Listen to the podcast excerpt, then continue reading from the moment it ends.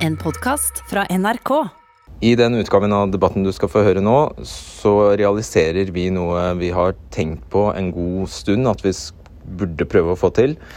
Fordi det har gjennom det siste halvannet året med pandemi kommet eh, ganske jevnlige etterlysninger av lege og forsker Gunhild Alvik Nyborg. Mange har lurt på hvor er hun? Ah, fikk ikke hun rett? Og jeg må jo si, jeg husker jo tilbake på reaksjonene etter den debattensendingen 17.3.2020 med ganske skrekk og gru. Uh, det var ikke så veldig gøy. Uh, debatten fikk veldig mye kritikk. Hun måtte jo utstå en storm som har vedvart. Og det har i det hele tatt vært dypt fascinerende, må jeg si. Det sa så mye om oss som samfunn at så mange reagerte så sterkt på den uh, seansen der. Uh, og jeg har vel tenkt at uh,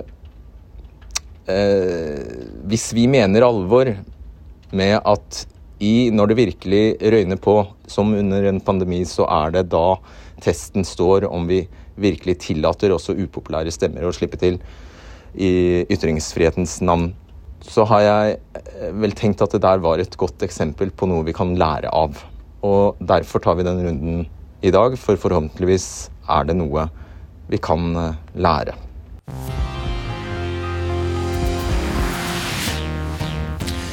Gunhild Alvik Nyborg var i dette studio i mars i fjor. Hun eh, sa da at de tiltakene myndighetene hadde satt inn mot koronaviruset, ikke var nok. Hun sa at FHI grovt feilvurderte hvor mange som allerede da var smittet, og at det hastet med å slå ned viruset. Hvis ikke kunne tusenvis av nordmenn komme til å dø. Hele landet ble da vettskremt, og reaksjonene var sterke. Men i kveld er assisterende helsedirektør Espen Nakstad her for å fortelle at hun både hadde rett i det meste hun sa, og at det hun sa fikk myndighetene til å trekke hardere i nødbremsen. Vel møtt til debatten.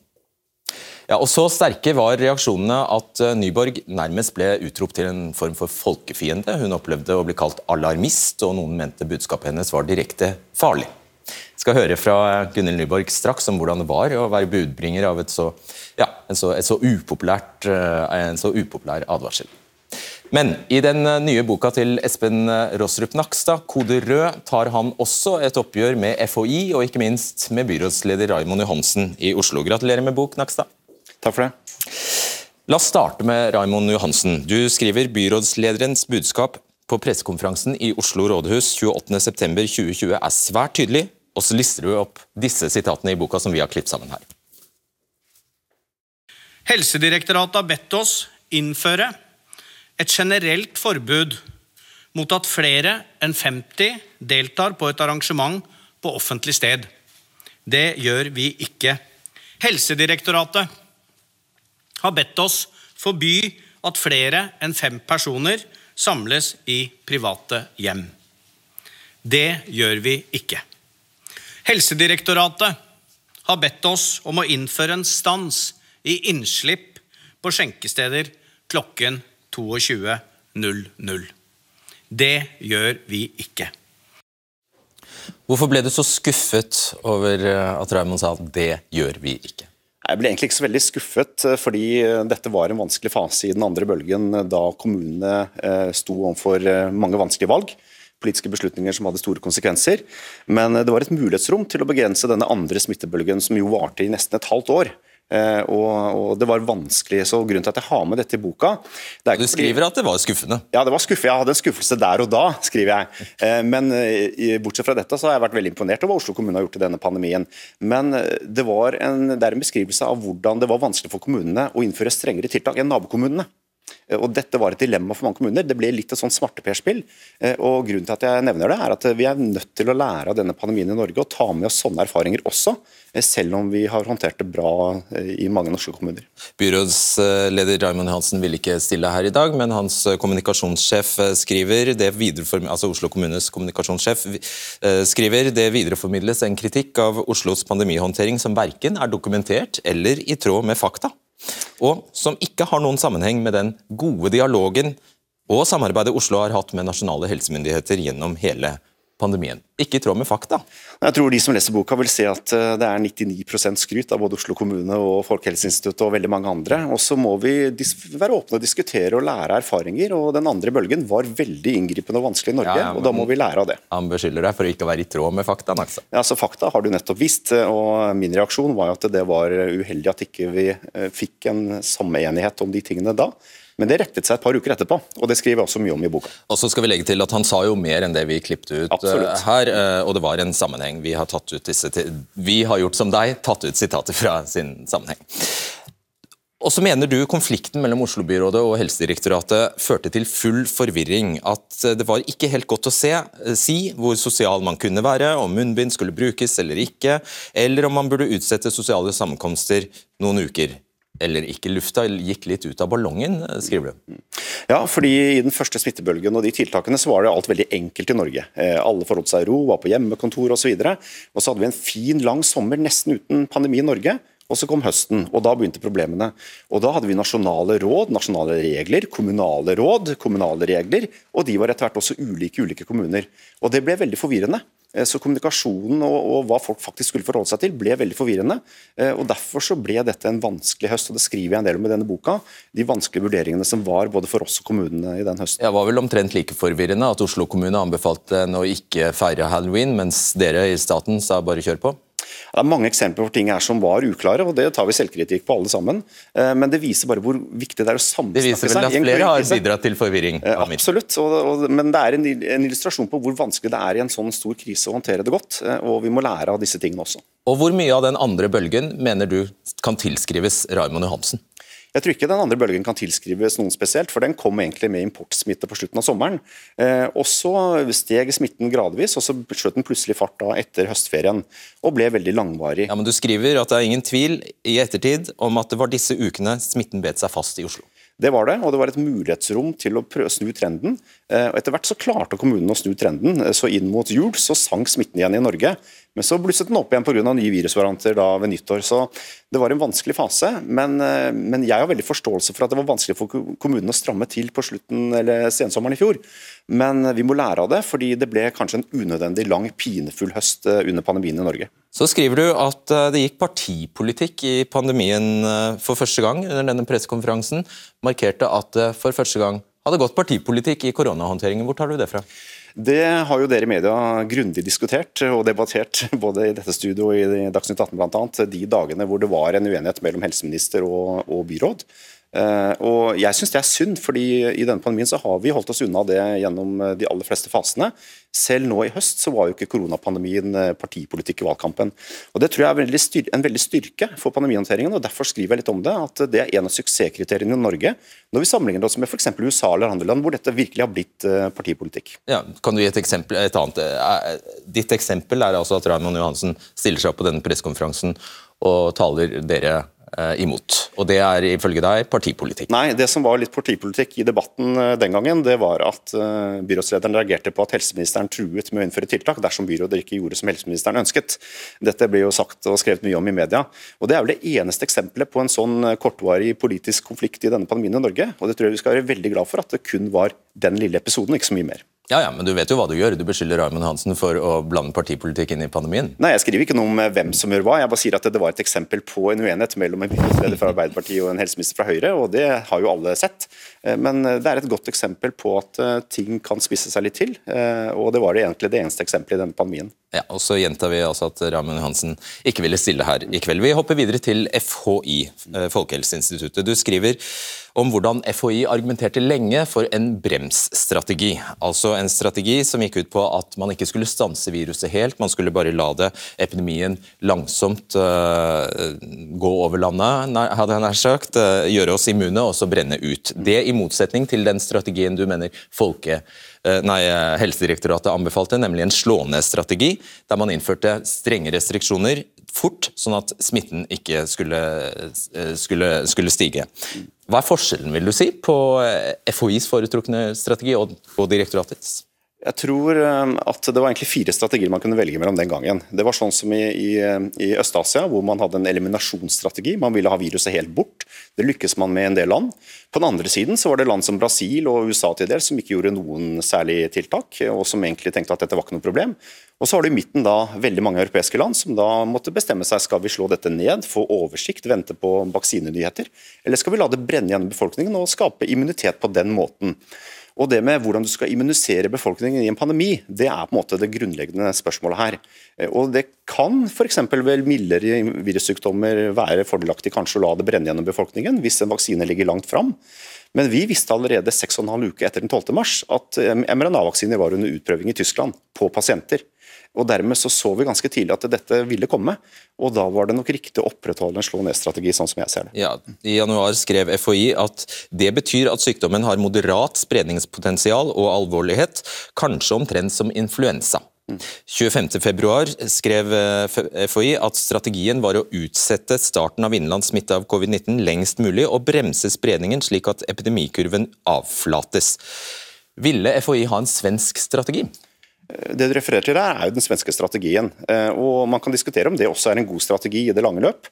Men jeg tror nok her at de epidemiologiske miljøene i hele Europa var veldig samkjørte og, så på dette som en god løsning. Eh, det, en svensk strategi? Eh, en svensk strategi kan du gjerne kalle det. Og så var det mange som ombestemte seg etter hvert. Storbritannia eksempel, 14 dager senere ombestemte seg helt og gikk på en slå ned-strategi. Så Hvor lenge holdt FHI på å insistere på bakrommet på at Norge burde føre en bremsstrategi, en svensk strategi? Nei, jeg tror Dette var debattert mye fram til 12.3. Da var jo ikke jeg heller fungerende assisterende helsedirektør. Eh, men det var en diskusjon som gikk gjennom mye av vinteren. Men etter hvert så tror jeg alle innså, både i Norge og mange andre land, at vi var tjent med en slå ned-strategi. At det ga oss oversikt og lite smitte i samfunnet inntil vi kunne da få vaksinenyheter. Men jeg skjønner også at du mener Du hørte ikke registrerte ikke at noen fra FHI talte varmt om slå ned-strategien før på ja, tidlig sommer? Nei, det var vel i en pressekonferanse litt utpå sommeren at, at eh, slå ned-strategien ble brukt av alle aktører som en terminologi. Eh, men Det kan godt være litt med hvordan man setter ord på ting. Men, men jeg oppfattet ikke at man helhjertet støttet det eh, i mange fagmiljøer før vi kom litt ut på senvinteren. Ja, med andre ord, Det tok FHI et halvt år å innse at det var en feil strategi? Eh, det vet jeg ikke. Eh, fordi Det kan, være mange, nei, det kan være mange grunner til at man ønsker litt ulike nyanser av strategier i dette. Eh, og Jeg vet jo ikke hvilke diskusjoner man har hatt i de nordiske smittevernmiljøene f.eks. Det kjenner jeg ikke til. Camilla Stoltenberg har sagt at FHI på et møte to dager før stengningen 12.3 foreslo strenge tiltak, men at dette har falt ut av møtereferatet. Stemmer det? Eh, meg bekjent så stemmer ikke det, men eh, det kan ha vært diskusjoner om eh, råd. Men når det gjelder tiltak à la nedstengningen den 12. mars, i hvert fall i de møtene jeg var i dette beredskapsutvalget, så kjenner ikke jeg igjen den påstanden. Så bare la oss få det veldig klart. Du mener at Helsedirektoratet fra veldig tidlig i 2020, altså i januar 2020 allerede så at dette ikke var en influensa. og Derfor kunne man ikke bruke de modellene FHI la for dagen. Mens FHI ikke innså at en slå-ned-strategi var det beste før mot sommeren. Ja, du kan si, altså Her ligger det jo veldig mange scenariobeskrivelser til grunn, og ting som jo du diskuterte i dette studioet på det tidspunktet, eh, som jo var basert på tradisjonelle pandemikalkulatorer, som man sier, hvor man regner ut smittespredning og, og konsekvenser av det ut fra typiske influensaforutsetninger. Det gjorde man jo i hele verden, fordi man eh, tenkte på dette som et influensavirus. Det viste seg å ikke være presist nok. Eh, og det var eh, kunnskapsmangel og vanskeligheter rundt det. Men eh, jeg tror de som hadde et ekstra sterkt blikk på hva dette betød for pasienter i sykehus, særlig i Asia, skjønte ganske tidlig at dette var mer alvorlig enn influensa og måtte håndteres på Ja, Men da sier du jo egentlig at FHI ikke fulgte med i timen? Eh, her er det ulike roller og ansvar, eh, og FHI har et epidemiologisk ansvar og skal følge smittespredning og smitteregistrering og meldingssystemer og den type ting. Og så skal Helsedirektoratet følge med på hvordan dette går for helsetjenesten. Og så skal sykehusene følge med på hvordan det går med pasienter og behandling.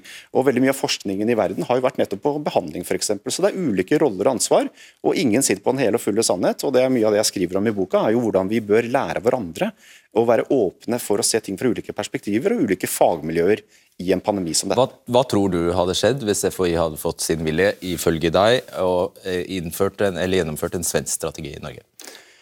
Jeg tror at eh, det er tre årsaker til at, eh, at vi endte opp med færre døde og mindre belastning av denne pandemien i Norge. Det ene er jo at vi fulgte slå ned strategien. Det andre er at kommunene håndterte dette så godt med testing og smittesporing.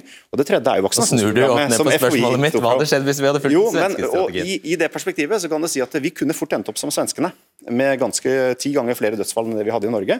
Vi kunne i teorien også endt opp eh, mer som USA, eh, som jo har mistet flere mennesker til pandemien enn under andre verdenskrig. Eh, men det blir spekulasjoner, og det, jeg tror at veldig mange miljøer i Norge er såpass fornuftige og oppleste at man ganske fort ville snudd ja, uansett. Men, ja. Så jeg tror, ikke Norge, jeg tror ikke Norge, også med den regjeringen vi har hatt, ville sittet og sett på at dette utviklet seg på den måten som vi f.eks. så i Nord-Italia. Nei, men Du tror at hvis FHI hadde fått fullbyrdet sin, de, sin foretrukne strategi, så hadde vi kunnet endt opp som Sverige? Er det det, det du sier? Jeg vet ikke om FHI ville foreslått å holde på den strategien, men, men hvis vi hadde fulgt en svensk strategi, da, for å bruke det eksempelet, ja. såkalt brennstrategi, ja. så tror jeg at eh, vi ville fått en raskere smitteøkning. Og vi må huske på en ting til, og det er at eh, Norge var et av de landene etter Nord-Italia eller etter Italia og Spania som fikk den kraftigste smitteveksten etter eh, vinterferien i fjor. Det var en veldig alvorlig situasjon, og det gikk rett til himmels. Og det var veldig viktig å håndtere det på et tidlig tidspunkt. Så Hadde vi ventet et par uker, for eksempel, så ville vi sannsynligvis uh, hatt en vanskeligere jobb. Nettopp. Vi har bedt både FHI-direktør Camilla Stoltenberg og FHI-overlege Preben Aavitsland om å bli med i debatten i kveld for å kommentere det Nakstad skriver, men det ønsket de ikke.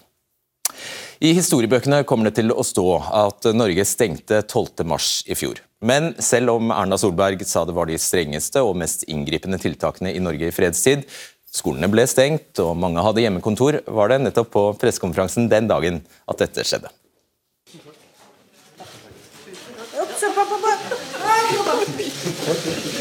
Nesten. Ja, Kjøpesentrene var åpne, det var ikke så mye snakk om å bruke munnbind. Meteren var det ikke så mange som skjønte noe av, og hytteforbudet var ikke innført. Flyplassene var åpne. Så Derfor var det mange som mente at tiltakene ikke holdt mål, blant andre deg, eh, lege og forsker Gunhild Alvik Nyborg. Du var med her i debatten den 17. mars, altså fem dager etter eh, at Erna Solberg varslet stenging av, eh, av Norge. Eh, da brukte du voldsomme metaforer, må være lov å si det. Du sa bl.a. at det var som å se på at Blücher kom inn Oslofjorden uten å gjøre noe. Altså, dette er jo krig. Eh, det er, som, det er som å si at tyskerne er på vei, eh, men det er ikke så farlig, for de kommer sikkert ikke til å gjøre så mye skade. Vi kan ikke ta den holdningen. Ja, og I dagene før du advarte, Nyborg, så um, hadde det kommet grufulle historier fra Nord-Italia, der sykehusene var sprengt. En italiensk lege som deltok på et webinar i regi av Helsedirektoratet uka før, sa at strengere regler for å unngå at viruset spredde seg, var den eneste måten å unngå katastrofe på. Og uh, Han sa dette er ingen influensa.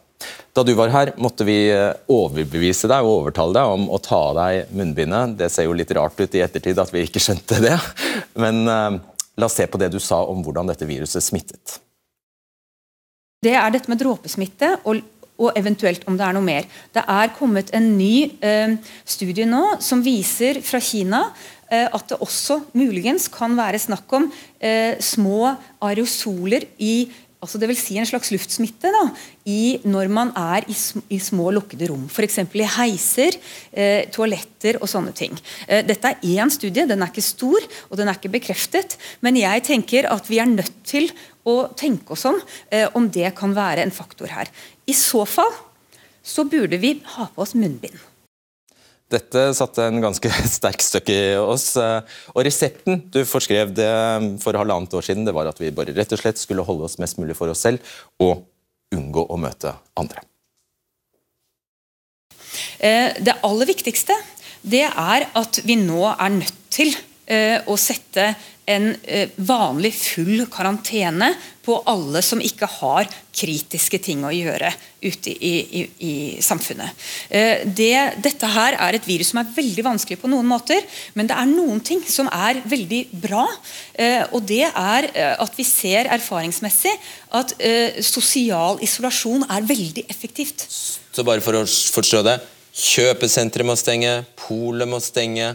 Alt må ja. stenge. Hva kan holde Alt må stenge? Eh, matbutikker og apotek må være åpent. Eh, eh, folk som arbeider i helsevesenet må få komme på jobb, for de trenger vi.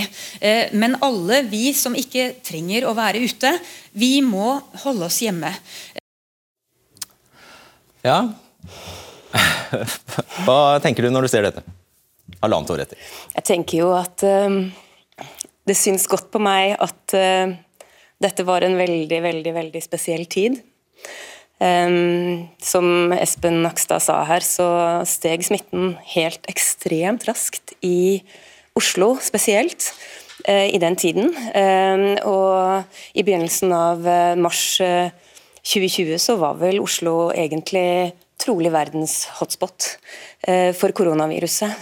og vi som på en måte ser disse matematiske funksjonene for oss, med eksponentiell vekst, Oslo var på en måte her. Um, og det betyr at hvis du, du, ser at jeg har det fryktelig travelt med å få fram budskapet. fordi at hvis, hvis folk liksom ikke får det med seg før neste uke, så, så er det liksom det, det, det, var så veldig mange som kunne blitt rammet på så veldig kort tid.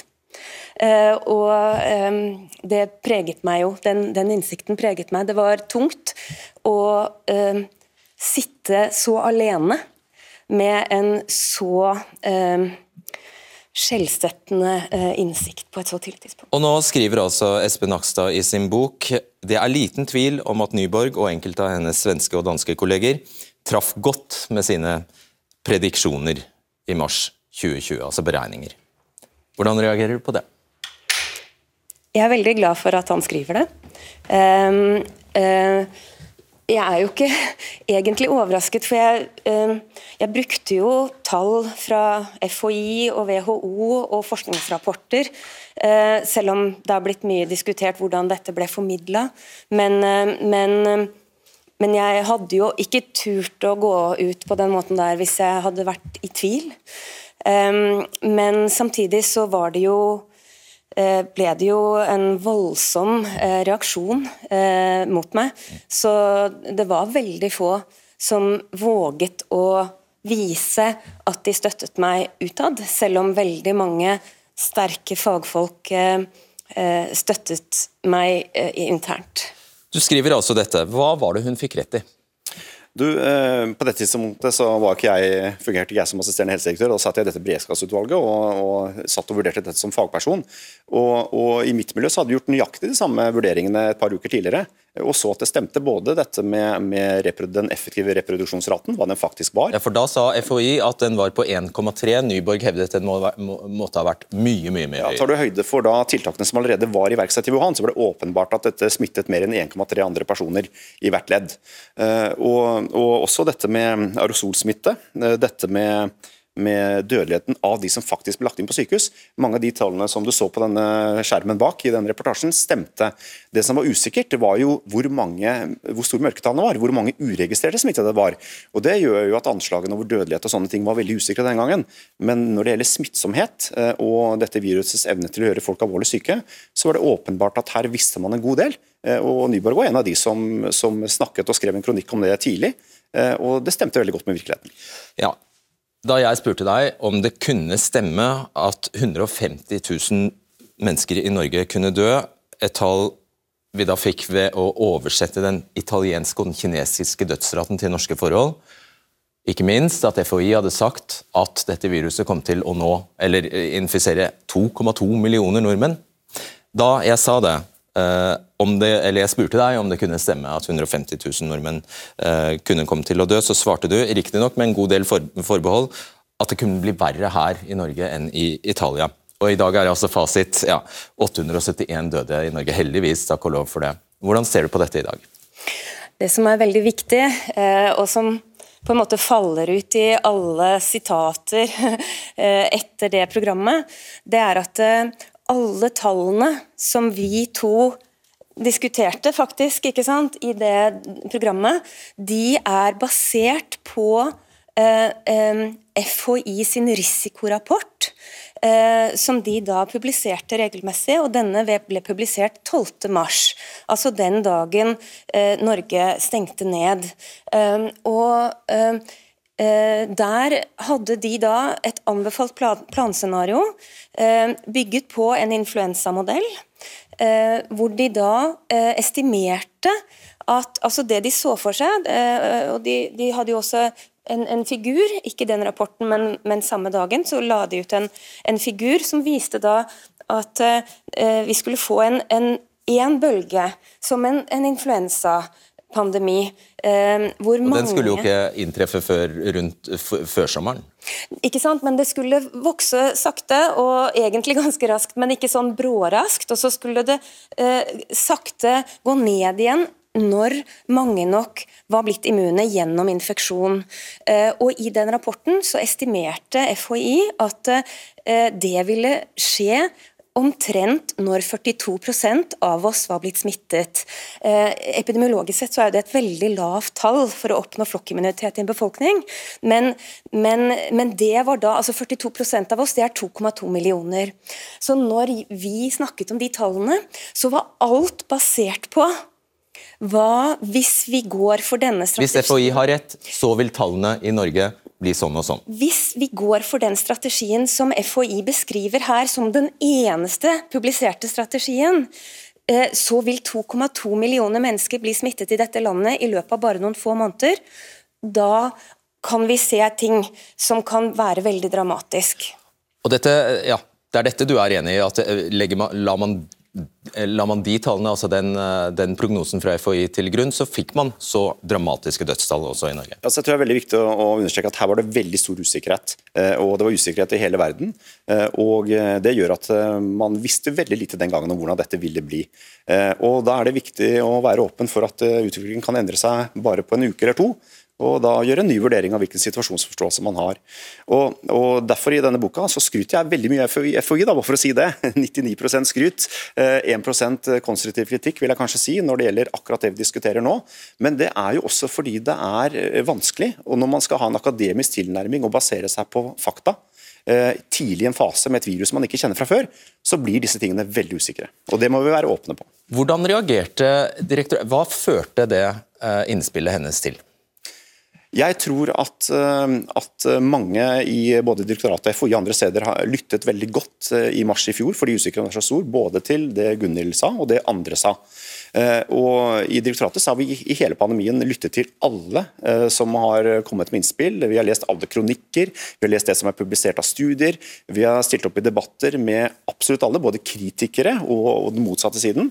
Eh, og, og prøvd å, å, debattere ut fra det. det Mange der hjemme som roper mot skjermen nå, Naksa. Det er helt sikker på. Men jeg tror, jeg tror det, jeg tror det Nei, men, men jeg, jeg, var i Dagsnytt 18 50 ganger i fjor og diskuterte 50 ulike temaer. og Det har vi gjort bevisst nettopp fordi det er viktig viktig å debattere. Førte det hun sa til at man uh, førte det til politikkendring?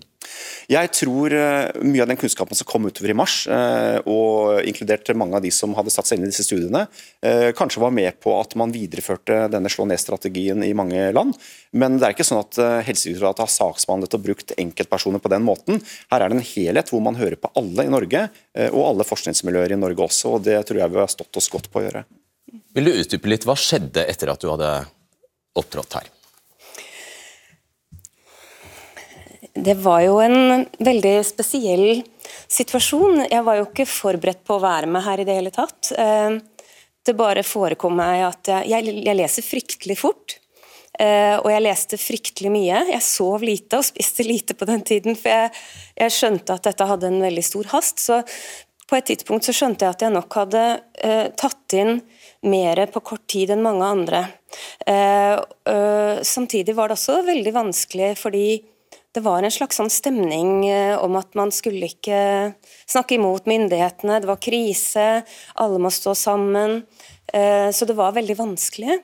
men det var allikevel veldig uventa. Jeg skjønte jo at jeg gjorde noe som kom til å få store, eh, store ja, hvorfor konsekvenser. Hvorfor tror du folk ble så sinna på deg? De ble jo rasende, mange. Jeg tror at uh, Jeg skulle ønske at myndighetene hadde drevet litt mer det jeg vil kalle kanskje realistisk uh, forventningsbygging i befolkningen over tid. For det, jeg opplevde at det var veldig mye sånn ro ned og dette, vi skal ikke spre panikk og sånn. Eh, og da ble det på en måte et veldig stort eh, hopp da, når jeg kommer med såpass dramatiske ting, som jo egentlig var helt på linje med det den italienske legen sa, og, og som kom fra utlandet, men som vi nok ikke var forberedt på her i Norge. Men uh, i tillegg så må jeg jo si at uh, jeg tror jo det var mange som som rett og slett følte at jeg kom og ødela for de planene de hadde lagt. ikke sant? Vi, vi drev og levde livene våre, og, og, folk var ikke forberedt på at det plutselig skulle komme et virus og, og slå alt det over ende. Eh, du skriver at ytringsrommet ble innskrenket. Jeg, jeg, bruker egentlig denne historien litt som et eksempel på hvor vanskelig dette var å debattere etter hvert, ikke minst i sosiale medier. Eh, og Det er grunnen til at jeg drar opp denne historien, for Når du ser tilbake på det intervjuet, og det som faktisk ble sagt, så fremtrer det ganske annerledes enn det inntrykket man hadde den gangen. Og Mange ble skremt og reagerte på disse metaforene. Men det ble etter hvert en debatt i fagmiljøene i hele Europa, eh, ikke minst i Norden, som ble veldig spiss og man gikk ned i skyttergravene på sosiale medier. og Det skriver jeg litt om i denne boka, for det tror jeg heller ikke tjener oss vel i en pandemi. Eh, og, og Din opplevelse er nok et eksempel på denne skyttergravsargumentasjonen i sosiale medier, eh, som, som, egentlig ingen tjener på, tror jeg. Men rykket du og ga henne støtte offentlig før nå? Eh, altså, uh, jeg har for så vidt eh, forholdt meg til, eh, til, de kjørereglene vi har og den måten vi saksbehandler ting på og stilt opp i alle mulige debatter. Men det å gå inn i sosiale medier altså Jeg har også vært på sosiale medier og blitt hudfletta der og hetsa veldig mye. sånn at det å gå inn i en debatt på sosiale medier, det valgte jeg faktisk ikke å gjøre. Og Etter hvert så må jeg innrømme at jeg faktisk har droppet alt og lese alt på Twitter og andre steder, eh, fordi det er så mye hets og styr. Eh, og det, det, er det også til vanlig i samfunnet vårt, men nå i en pandemi så har det blitt veldig forsterka. Så jeg tror ikke det er et godt sted å diskutere fag, faktisk. Jeg tror ikke det. Mm. Jeg våger meg på en liten tolkning av de reaksjonene, noen av de reaksjonene jeg registrerte du fikk, og den, de omfattet jo også for så vidt eh, dette programmet også. Mm. Eh, mange av dem handlet jo om at man ble hensatt til en helt hjelpeløs posisjon. Du kommer og forteller et veldig dramatisk budskap om at eh, her, her står det om liv. Og så er det ingenting vi som privatpersoner egentlig kan gjøre. I hvert fall ikke hvis dette viruset er så farlig at det spres gjennom lufta. ikke sant? Mm. Ser du det? Jeg ser det, og jeg var jo klar over det da jeg gikk ut. Um, det var en veldig spesiell opplevelse, for jeg, jeg, jeg følte meg faktisk litt som en som på en måte At jeg gikk i krig, at det er en general som leder en hær, og du vet at uh, du kan få tap. da, ikke sant? Jeg visste at det jeg sa hadde en kostnad. Uh, men jeg visste at hvis jeg ikke sa det, så kunne vi risikere veldig mye sorg og uh, lidelse hos veldig mange mennesker i løpet av veldig kort tid. Så det var egentlig allikevel ikke noe reelt valg. Jeg måtte på en måte si det, men jeg forstår at det var veldig ugreit på mm. veldig mange måter. Og denne åsiktskorridoren mener du eh, virkelig var smal i Sverige? På hvilken måte da? Nei, du, jeg har jo litt eh, svensk slekt og har fulgt veldig nøye med på svenske medier. og Kjenner jo fagfolk i Sverige. Eh, og Der var ytringsrommet veldig snevert etter hvert. Eh, og, og, Folk ble jo stemplet, til dels også av myndigheter, faktisk, myndighetspersoner, som alarmister. Mange koronaforskere ga seg med koronaforskning fordi det var så mye hets. Og det ble et veldig, veldig lite åpent forskningsbasert diskusjonsrom i Sverige som jeg, som jeg reagerte litt på, som jeg syns er alvorlig. Og grunnen til at jeg skriver om det, er at vi speiler oss ofte mot Sverige. da. Vi ser jo på Sverige som et forbilde i både helsetjenester på mange andre måter. Og når det skjer i en så stor krise, så er det grunn til å reflektere over det og lære av det, og prøve å bidra til at det ikke skjer neste gang. Ja, Hva er løsningen? Nei, Jeg tror vi må anstrenge oss for en fri og åpen diskusjon. Eh, også om faglig vanskelige spørsmål. Vi må understreke usikkerhet, og vi må være åpne for alle fagområder når vi diskuterer disse tingene. Vi må ikke låse oss inn i det velkjente og på en måte det vi tidligere har publisert. For Forskere er jo litt sånn da, at hvis de har publisert noe, så er det veldig vanskelig å få dem til å gå tilbake for noe man har publisert tidligere. Og I en pandemi hvor ting endrer seg hele tiden, så er det viktig å hele tiden diskutere. Men Det er jo også lett for deg å si i dag, da, når pandemien er på hell. Dere, dere var jo helt avhengig av på et tidspunkt, på mange tidspunkt av at vi gikk i flokk, og at vi fulgte ordre, og ikke minst var med på denne dugnaden. Så der de, hadde de Underveis her så hadde det jo ikke vært noe særlig ja, rom for fri tanke fra, fra, deres side og filosofering om hva som var rett strategi osv. Det kan du si, og Norge er, ble Julia Bloomberg kåret til det landet som har håndtert pandemien best. Men mitt eh, anliggende og grunnen til at jeg skrev denne boka, er jo at det betyr ikke at det ikke er noe å lære. Det er fortsatt noe å lære. eh, Og hvis vi skal bruke denne krisen til å lære noe om andre kriser, f.eks. klimakrisen, eh, så er det mye å lære eh, av denne pandemien. Og det bør vi ta med oss videre. Og du som er en av de som antagelig har fått mest kjeft, hva har du lært? Jeg er veldig enig i Espen sine vurderinger her. Ehm, eh, det er så viktig i, i et så lite land som vi er. Eh, Det, det er begrensa hvor mange mennesker som har helt eh, relevant kunnskap eh, på høyt nok nivå i et sånt lite land. Når vi da møter så store på en måte altomgripende utfordringer som dette er, så er det så viktig at vi klarer å sette oss ned og jobbe sammen, at vi klarer å utnytte alle ressursene. Dette med å på en måte, Det jeg ble utsatt for, på en måte full usynliggjøring, det, det har jo vært veldig frustrerende å sitte med veldig mye kunnskap eh, eh, underveis i denne pandemien og ikke få bidra. Eh, jeg vet at jeg kunne ha bidratt. Hadde det da betydd noe om han hadde rykket ut, for eksempel, tidligere? Ja, det hadde det, men eh, det ble en helt umulig stemning her. Det ble jo på en måte skapt en, en parallell virkelighet som det, det, har nesten opplevd det som konspirasjonsteorier om min person. Hvor, hvor, det på en måte er skapt en historie om altså Folk skrev jo eh, avisinnlegg om hvem jeg var og hva jeg kunne og ikke kunne, basert på kun Google-søk. ikke sant? Folk jeg aldri har truffet, som ikke er i mitt fag, som ikke aner hva jeg jobbet med, ikke kjenner utdannelsen min. Og Det er klart at det, det ble rett og slett forferdelig vanskelig å skjære gjennom. og jeg hadde egentlig vært bekymra for om altså For meg har det vært veldig viktig at Espen Nakstad har kunnet fungere. Eh, og det ble rett og slett veldig vanskelig. Mm. Jeg tror vi bare lar det være til ettertanke for oss alle. Tusen takk for at uh, dere kom. På torsdag når vi er tilbake, så har landet forhåpentligvis fått en ny regjering. Kanskje prøver vi da å finne ut hva slags gjeng det er. På gjensyn.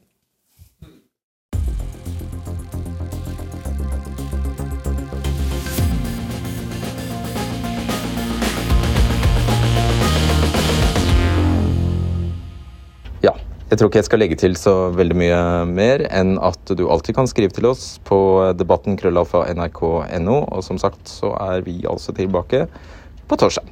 Ha det bra. Du har hørt en podkast fra NRK. Hør flere podkaster og din NRK-kanal i appen NRK Radio.